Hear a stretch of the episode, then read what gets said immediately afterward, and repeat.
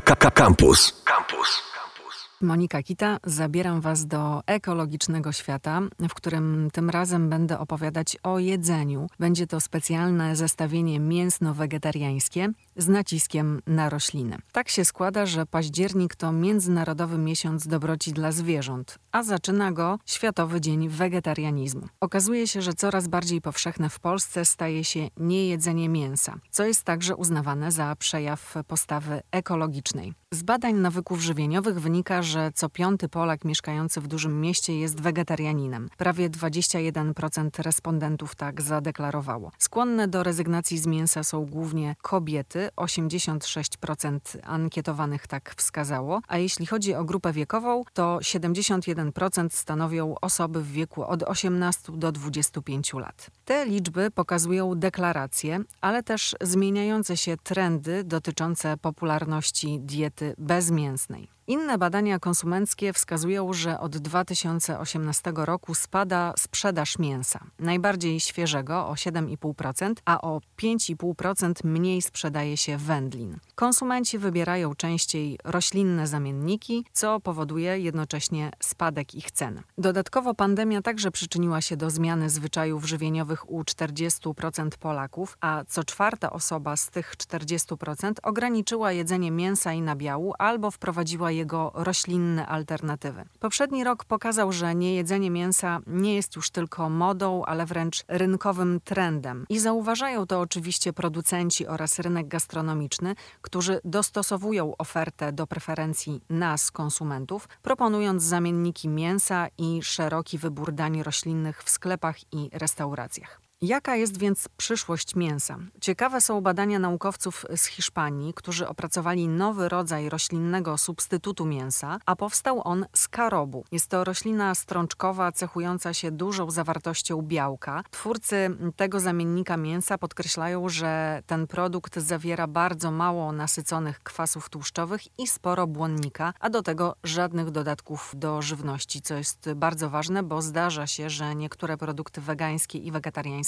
są często wysoko przetworzone. Oprócz tego trwają badania nad alternatywnym pozyskaniem mięsa, czyli produkcją tzw. Tak mięsa syntetycznego. W Singapurze można już kupić taki produkt, y, który powstał z komórek zwierzęcych sztucznie namnażanych i karmionych wyłącznie pożywką z roślin. Czy w innych częściach świata, a przede wszystkim w Europie, doczekamy się kiedyś dostępu do tzw. Tak sztucznego mięsa, które powstało bez zabijania zwierząt? Za produkcją syntetycznego mięsa opowiada się Bill Gates, więc kto wie, być może zostanie to rozpowszechnione. Wspomniałam o tym, że niejedzenie mięsa jest uznawane za przejaw postawy ekologicznej. Na pewno nie jedząc mięsa zmniejszamy popyt na produkty zwierzęce, więc na rynku jest mniejsze zapotrzebowanie na nie i tym samym ratujemy zwierzęta, bo przyczyniamy się do zmniejszenia ilości hodowli przemysłowych i zabijania zwierząt. Ograniczenie spożycia mięsa może być też sposobem na walkę ze zmianami klimatu i degradacją degradacją środowiska. Produkcja mięsa przecież powoduje zarówno niszczenie środowiska naturalnego, zanieczyszczenie rzek, erozję gleby. Do tego dochodzą ogromne ilości wykorzystywanej wody, energii oraz konieczność wycinania lasów pod pastwiska i tereny uprawne, na których rosną rośliny przeznaczone na pasze dla zwierząt. Produkcja żywności odpowiada za około 18% światowej emisji gazów cieplarnianych, z czego aż 70% pochodzi z hodowli zwierząt. No i zdrowie jest tutaj ogromne ogromnym plusem diety wegetariańskiej, bo wykluczając mięso z codziennych posiłków, spożywamy mniej tłuszczów, soli czy cukrów. Liczne badania potwierdzają zmniejszenie poziomu cholesterolu, y, lepszą pracę jelit, brak problemów z otyłością, silniejsze kości, a nawet wolniejsze starzenie się. Badania naukowe potwierdzają, że istnieje zależność między ilością spożywanego mięsa a występowaniem chorób serca czy cukrzycy typu drugiego. Naukowcy stwierdzili też, że dieta wegetariańska wpływa korzystnie na działanie układu odpornościowego. Czy można wskazać wady? Osoby, które nie jedzą mięsa, powinny bardziej różnicować swoje posiłki, żeby dostarczać organizmowi wszystkie niezbędne składniki odżywcze, co oznacza, że gotowanie czy przygotowywanie dań, ale też zakupy mogą przynajmniej na początku zajmować trochę więcej czasu. Poza tym w przypadku niejedzenia mięsa można spodziewać się niedoboru niektórych witamin i minerałów, co może prowadzić chociażby do anemii. Tak Tak więc warto zrobić badania i też skonsultować z lekarzem zamiar przejścia na dietę wegetariańską, dietę roślinną.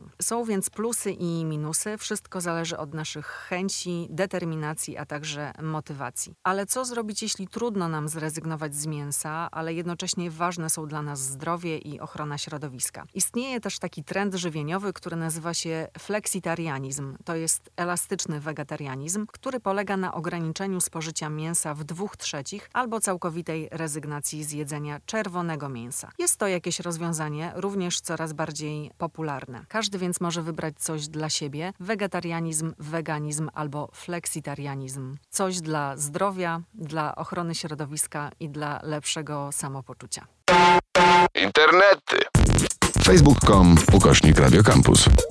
Twitter ukośnik Radiocampus. Snapchat ukośnik Radiocampus.